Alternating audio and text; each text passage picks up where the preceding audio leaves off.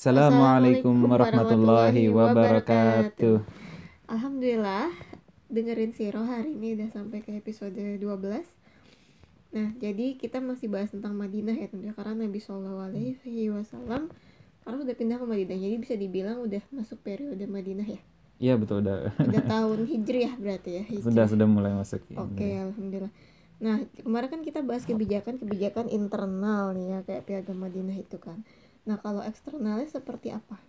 Nah jadi untuk eksternal eksternalnya eh, Rasulullah SAW itu mengirim mata-mata Hmm. mengirim mata-mata ke, ke utamanya ke kaum Quraisy ya. Hmm. Jadi melihat eh, pergerakan eh, kaum Quraisy, melihat perdagangan mereka seperti apa dan eh, seterusnya. Dan ini penting untuk kita lihat bahwa Rasulullah SAW itu memang sangat mengam- eh, baik lagi sangat mengambil apa istilahnya perencanaannya sangat sangat mantap lah. Mm. Jadi melihat apakah uh, Quraisy ini melakukan perdagangan seperti apa, mereka uh, gerak-geriknya seperti apa.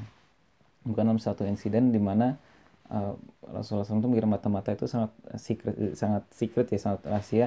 Maka disuruh berjalan ke arah utara dulu. Jadi uh, lawan arah dari Mekah. Terus dua hari mereka berjalan, baru disuruh buka surat. Nah, ketika surat itu dibuka, ternyata har- mereka harus balik, go back, mereka mutar untuk memata-matai uh, kaum Quraisy. Karena waktu itu Madinah masih kondisinya memang belum bersatu gitu ya. Mm. Jadi memang masih ada kaum musyrikun, masih ada kaum Yahudi dan walaupun mereka punya konstitusi yang di mana mereka dijamin haknya dan mereka punya perjanjian, kemudian nanti kita akan lihat bagaimana mereka akan melanggar perjanjian itu. Tapi waktu waktu itu kondisinya Rasulullah SAW itu sangat hati-hati uh, agar uh, informasi itu nggak bocor ke uh, orang-orang yang tidak bisa dipercaya. Mm. Dan akhirnya eh, terjadilah dalam satu insiden di mana mata-mata Rasulullah SAW, para sahabat ya, itu mereka eh, melihat ada kabilah dagang di eh, di Mekah ya, ya menuju Mekah. Dan kondisinya waktu itu eh, hari terakhir bulan haram. Nah ini ada konsep bulan haram di Islam mungkin eh, se- secara singkat saya jelasin itu di mana dilarang untuk berperang. Jadi kalau kita kata itu adalah bulan Rajab, bulan eh, Muharram, bulan Dzulqa'dah sama Dzulhijjah. Jadi kalau secara urut ya maaf, bulan Rajab, Dzulqa'dah, Dzulhijjah, terus Muharram. Ya. Jadi di, di empat bulan ini itu dilarang eh, berperang. Dan waktu itu kondisinya hari terakhir di bulan Rajab. Dan itu sudah maghrib, sudah maghrib, eh bentar lagi maghrib. Dan kalau misalnya mereka mata-mata ini menyerang eh, kabilah dagang Quraisy, Mm. setelah maghrib itu eh, mereka tidak melanggar eh, kesucian bulan haram. Mm. Tapi qadarullah kaum muslim, eh, mata-mata muslim ini dia mengambil inisiatif untuk eh, menyerang kabilah dagang Quraisy ini. Mm. Dan balik lagi ini karena memang kondisinya mereka perang ya. Mm. Mereka diusir dari Mekah, mereka disiksa, mereka dipersekusi. Mm. Jadi nggak ada yang bisa bilang itu Rasulullah SAW dan kaum muslim itu berbuat salah atau berbuat zalim terhadap kaum Quraisy karena memang ini adalah peperangan. Nah, akhirnya eh, kabilah dagang itu diserang dan eh, harta rampasnya dibawa pulang ke Rasulullah SAW. Dan Rasulullah SAW tidak membenarkan ini dan eh, turunlah di surah Al-Baqarah ya, di surah, eh, surah- di surah Al-Baqarah di mana eh, di- dinyatakan bahwa itu adalah dosa besar. Jadi jadi memang ini ini pun juga dikritik oleh Quraisy ya. Ini apa-apaan kalian perang dalam eh, bulan ha- bulan haram dan seterusnya. Tapi eh, Allah membenarkan bahwa ini eh, dosa besar. Ini di surah Al-Baqarah ya. Tapi nah tapi fitnah lebih besar dari pembunuhan. Nah, yang disebut sebagai fitnah lebih besar lebih dahsyat dari pembunuhan itu maksudnya fitnah yang dilakukan kaum Quraisy terhadap uh, kaum muslimin. Dan di sini fitnah itu bukan bukan ini ya, bukan ba- uh, definisi bahasa Indonesia eh, yang mana apa istilahnya gosip yang tidak benar. Mm. Tapi fitnah di sini maksudnya ujian atau persekusi uh, yang di mana mengeluarkan uh, orang dari Masjidil Haram, menyiksa dan uh, menghalang-halang ib- ibadah itu lebih kejam daripada pembunuhan. Jadi itu uh, kebijakan uh, eksternal Rasulullah SAW itu memang uh, hostile atau bermusuhan terhadap uh, kaum Quraisy. Kemudian uh, di tahun kedua hijrah, se- uh, jadi Badar itu ter- terjadi di bulan Ramadan ya, perang Badar yang besar itu di bulan Ramadan. Kemudian di episode di episode ini kita nggak akan bahas langsung uh, perangnya, tapi ini apa saja yang uh, membangun ke Badar. Mm, Oke. Em, kita balik lagi di bulan Ramadan itu perang Badar. Nah di bulan Jumadil Aw, eh, Jumadil Awal eh, Abu Sufyan membawa pasukan eh bukan pasukan maaf kaf- kafilah dagang yang sangat besar. Jadi ini uh, semua kumpulan harta yang dimiliki oleh Quraisy itu mereka satukan dalam satu kabilah, terus mereka kirim ke Syam untuk didagangkan dan mereka mencari untung di sana. Dan ini nggak cuma harta mereka, tapi juga ada harta rampasan dari kaum muslimin. Yang mereka hijrah, mereka meninggalkan harta mereka. Kemudian harta ini di- digunakan oleh uh, Quraisy untuk jadi modal mereka dan modal yang besar akan uh, ya de- dengan eh, apa keahlian dagang mereka akan meng- meng- mengam- eh, menghasilkan uh, penghasilan yang besar juga. Nah, akhirnya Rasulullah SAW uh, meng- mengirim atau Rasulullah SAW membawa sendiri pasukan ya di saat Jumadil awal ini Mm. untuk mengejar Abu Sufyan. Tapi qadarullah uh, Abu Sufyan berhasil menghindari uh, Rasulullah SAW. Itu di Jumadil awal. Oh, jadi apakah itu yang men-trigger perang Badar gitu? Tapi kan eh, nggak kekejar ya. Terus apa yang terjadi? Nah, jadi justru pas pulangnya, jadi Abu Sufyan Oh. uh, membawa pulang dari dag- pe- perdagangannya di bulan Ramadan tadi. Uh, Coba di awal orang ada. ma- eh, tadi Jumadil awal tuh uh, Abu Sufyan ke arah Syam. Mm-mm. Nah, Ramadan pulang dari Syam ke Oh. Makkah. Mm-mm. Nah, ketika pulang ini Rasulullah SAW membawa lagi uh, para sahabat. Dan saat itu juga Rasulullah SAW langsung uh, ketika mendapatkan informasi ada ka- kabilah dagang Abu Sufyan yang sudah uh, mendekati. Dan emang Abu Sufyan itu harus mau nggak mau tuh melewati daerah Madinah, ya. Iya. Karena memang Madinah itu ada di jalan dari Mekah ke Syam. Mm-mm. Nah, terus kemudian uh, Rasulullah SAW tuh uh, bilang ke mengumumkan sahabat, eh kita harus berangkat sekarang. Dan beliau tidak mengatakan berangkat ke mana, uh, ngejar siapa, mau ketemu siapa dan seterusnya. Tapi uh, langsung ya, ayo siapa, siapa yang bisa sekarang, siapa yang punya binatangnya sekarang, ayo kita langsung berangkat. Ada sahabat yang bilang, "Se- uh, saya langsung ngambil binatang saya dulu di sini. Enggak, kita harus berangkat sekarang juga. Jadi benar-benar sangat cepat gitu uh, ini keputusan beliau Rasulullah SAW. Nah, di, itu di bulan uh, Ramadan. Dan akhirnya mereka mengejarlah uh, kafilah dagang Abu Sufyan. Dan Abu Sufyan sendiri pun uh, mereka dia juga handal dalam uh, masalah ini ya masalah uh, peperangan dan juga uh, membawa istilahnya mobilitasnya dalam membawa karavannya. Dan dalam satu riwayat itu di, Abu Sufyan melihat ini ya bekas uh, kemahan mata-matanya Rasulullah SAW jadi ada mata-mata yang dikirim oleh Rasulullah SAW melihat ada uh, ini kotoran-kotoran unta. Mm. terus sama Abu Sufyan dibukalah ini kotoran untanya. Terus kelihatan biji-biji kurma Madinah. Oh, oke. Abu Sufyan melihat wah ini pasti mata-mata yang dikirim oleh Muhammad uh, Rasulullah SAW akhirnya Abu Sufyan tahu ini saya lagi kejar nih sama Muhammad. Akhirnya dia membawa apa istilahnya uh, dia memanuver kabilahnya menjauhi rute yang biasa umum, di- umum dipakai. Nah, akhirnya um, Abu Sufyan sendiri pun berhasil uh, menghindar lagi dari Rasulullah SAW. Tapi kali ini kali ini dia mengirim utusan ke Mekah. Nah, Dia mengirim utusan ke Mekah. Dan kondisinya tuh utusannya uh, masuk ke Mekah itu dalam keadaan panik gitu ya. Nah, dia- jadi dia apa mem- memutilasi untanya sendiri, memotong bagiannya untuk menunjukkan darah. Terus dia merobek-robek bajunya. Terus Dia masuk ke Mekah dalam kondisi uh, madap ke belakang. Uh, jadi dia untanya masuk ke ke Mekah dalam keadaan, keadaan lari, dia ke arah apa sih duduknya itu ke arah belakang. Jadi benar-benar inilah untuk menarik perhatian dan juga uh, untuk menunjukkan ini sangat serius. Oke, terus bagaimana reaksi saat itu? Nah, Quraisy itu uh, langsung panik ya benar Eh, waktu itu juga ada bibinya Rasulullah SAW yang dia tuh punya mimpi bahwa Mekah akan hancur jadi ada akan ada batu yang dari gunung-gunung salah, dari salah satu gunung Mekah akan turun dan menghancur semua rumah yang ada di Mekah. Dan ini se- semacam ini ya apa istilahnya pertanda bahwa nanti Mekah akan mengirim semua uh, semua perwakilan dari setiap keluarga dari setiap rumah itu ada perwakilan untuk uh, memerangi Rasulullah SAW dan uh, mereka akan kelak kalah. Oke. dan uh, Abu Jahal dan para teman-temannya itu langsung ini ya apa sih um, menyemangati kawan-kawannya untuk berperang bahkan setan pun menjelma sebagai Surakah jadi ingat ya kita kemarin Surakah Surakah itu sebenarnya dia kepala uh, suku tetangganya Quraisy Hmm.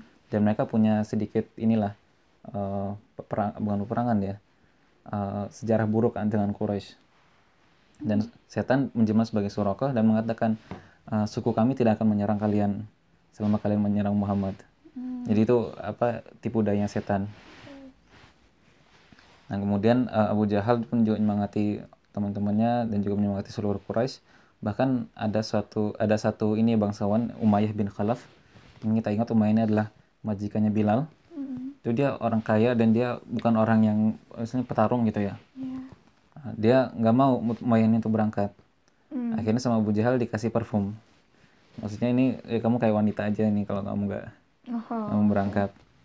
Jadi ini taktik Abu, taktik Abu Bakar eh maaf Abu Jahal untuk em, menggorong semua eh, semua kafir Quraisy. Oke. Nah, eh, nah terus itu kan berarti mereka eh, kaum kafir Quraisy kemudian berangkat untuk berperang ya.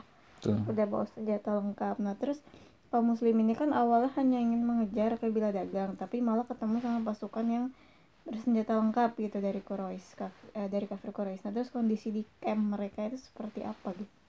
Nah itu awalnya memang eh, itu tidak diinginkan ya. Iya. Ada ini di- disebut di surah Al-Anfal. Jadi surah Al-Anfal ini khusus di eh, suruh eh, khusus membahas perang Badar. Dan disebut di surah Al-Anfal bahwa eh, kaum muslimin itu memang inginnya menemui kafilah dagang, tapi Allah menghendaki yang lain. Oh, Dan mereka menginginkan kemenangan ekonomi ya. Jadi dengan menyerang kabilah dagang itu mereka sebenarnya bukan ingin membunuh Abu Sufyan, tapi Iya, ingin betul, merampas betul. kembali harta mereka Oke. dan juga ingin eh, merampas harta ka- kaum kafir Quraisy ini memang halal karena memang ada kondisi waktu itu perang. Mm. Tapi kemudian Allah SWT menghendaki yang lain. Dan eh, akhirnya Rasulullah SAW di sini kita melihat ya luar biasa itu beliau mengadakan syuro, mengadakan eh, musyawarah. Oke. Jadi beliau tuh eh, beliau tuh Rasulullah SAW beliau mendapatkan wahyu yang langsung datang dari Allah. Tapi beliau tidak eh, tidak ingin menunjukkan eh, apa sih pemilihan otoriter. Oke. Dan beliau menunjukkan bagaimana cara melakukan syuro, bagaimana mendapat apa sih, menerima pendapat dari eh, dari eh, sahabat-sahabatnya. Dan di situ eh, Rasulullah SAW bertanya ke eh, seluruh sahabatnya dan yang pertama kali berdiri itu adalah Abu Bakar. Eh, Dan Abu Bakar eh, menunjukkan ininya ya, menunjukkan semangatnya. Kemudian eh, Rasulullah SAW eh, berterima, eh, berterima kasih kepada Abu Bakar. Terus tanya lagi apa yang harus kita lakukan. Kemudian Umar yang naik, naik- yang berdiri dan Umar lagi sama juga men- menyebutkan kita akan mengikutimu. Kemudian Abu Umar duduk, maaf Umar duduk dan Rasulullah SAW tanya lagi apa yang menurutmu kita harus lakukan. Dan eh, berdiri lagi Mikdad eh, Mikdad bin Amr. Dia seorang muhajir. Dan eh, Mikdad ini lebih semangat lagi dia ininya. Kita akan eh, mengikutimu dan kami tidak akan eh, seperti Bani Israel terhadap Musa yang makan yang mengatakan eh, pergilah eh, kamu dengan Tuhanmu. Tapi kami akan eh, mengikutimu sampai ke ujung dunia pun. Ini Mikdad eh, ibn Amr. Jadi eh, kita lihat tadi tiga orang ini semua muhajir ya? Iya. Kemudian Rasulullah SAW setelah Mikdad duduk mengatakan lagi apa yang menurut kalian eh, yang harus kita lakukan Oke. dan waktu ini eh, sahabat bingung ini apa maksudnya Rasulullah SAW ini semuanya udah udah udah sepakat gitu dengan ini. Nah, tapi di sini kita lihat bahwa Rasulullah SAW itu ingin em, melihat pendapat para ansor. Oke. Jadi ingat kita di episode episode sebelumnya di eh, Bayat Aqobah Heeh. itu kita ingat itu bayatnya itu defensif. Mm. Jadi dalam bayat itu akan melindungi Rasulullah SAW, Iya. bukan menemani dalam peperangan. Oke. ya jadi eh, Rasulullah SAW ingin eh, para ansor ini apa istilahnya mem- eh, mereview kembali bayatnya apakah mereka masih ingin seperti bayat yang dulu atau ingin mengupgrade bayat Oke. mereka gitu dan di sini ada Sa'ad bin Mu'adz ya Sa'ad bin Mu'adz ini yang waktu itu eh, didakwai oleh Mus'ab bin Umair dia salah satu pemimpin pemimpin inilah pemimpinnya Ansor. Dan Sa'ad bin Mu'adz ini dia sangat, sangat cerdas dia eh, menangkap maksudnya Rasulullah SAW dan dia menanya dan dia bertanya apakah mak- maksudmu kami ya Rasulullah SAW dan Sa'ad pun juga eh, mengatakan kata-kata yang semangat gitu bahwa jika engkau mengatakan kami untuk terjun ke laut maka kami akan eh, lakukannya. Dan dengan ini eh, Rasulullah SAW eh, bahagia dengan jawaban Sa'ad dan akhirnya kaum muslimin pun teguh dalam eh, tekadnya untuk memerangi pasukan yang datang dari Mekah.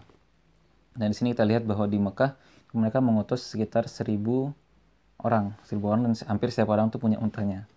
Sedangkan eh, di sisi kaum muslimin itu mereka cuma 300 orang, Hmm. 313 atau 15.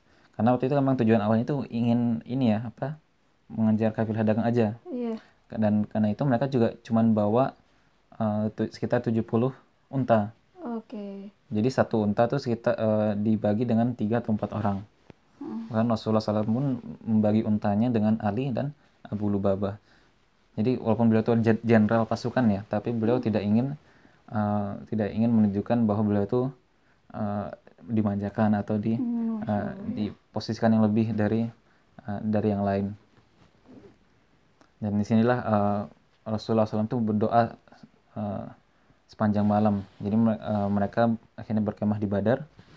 Dan di Badar ini uh, Rasulullah SAW berdoa panjang lebar.